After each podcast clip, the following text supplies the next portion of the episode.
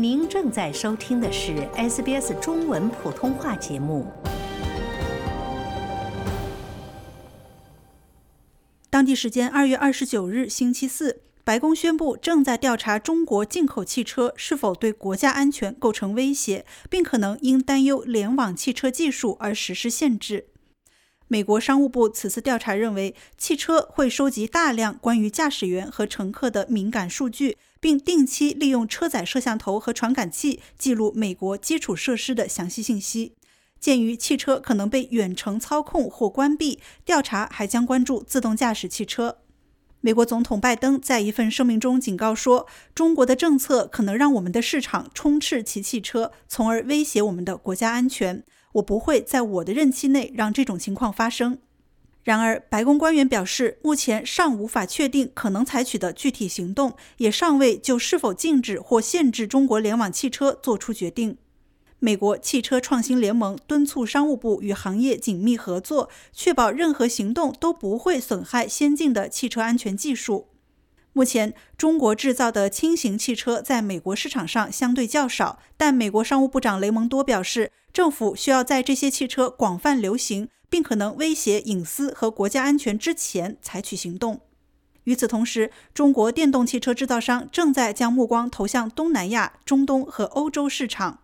全球销量领先的电动汽车制造商比亚迪表示，尽管没有计划在美国销售汽车，但正在考虑在墨西哥建厂生产汽车。此外，比亚迪还宣布将在墨西哥以低于特斯拉一半的价格销售其新款 Dolphin Mini 电动汽车。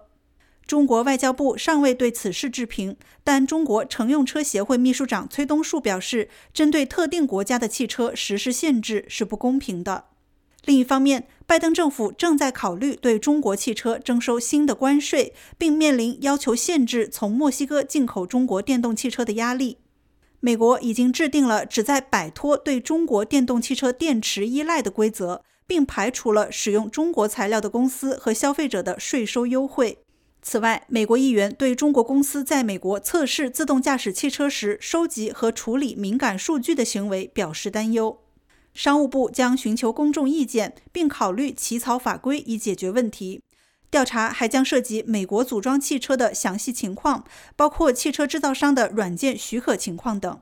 白宫指出，中国对美国和其他外国汽车在中国运营施加了严格的限制。拜登说：“为什么要允许中国的联网汽车在没有保障措施的情况下在我国运营呢？”近年来，中国加强了对国内数据管理的监督，要求大多数行业在数据传输到国外之前申请许可。去年五月，中国更是进一步收紧了汽车行业的数据规定，提议禁止智能汽车直接将数据传输到国外，而是转而使用中国国内的云数据服务。喜欢、分享、评论，欢迎您在 Facebook 上关注 SBS 普通话页面。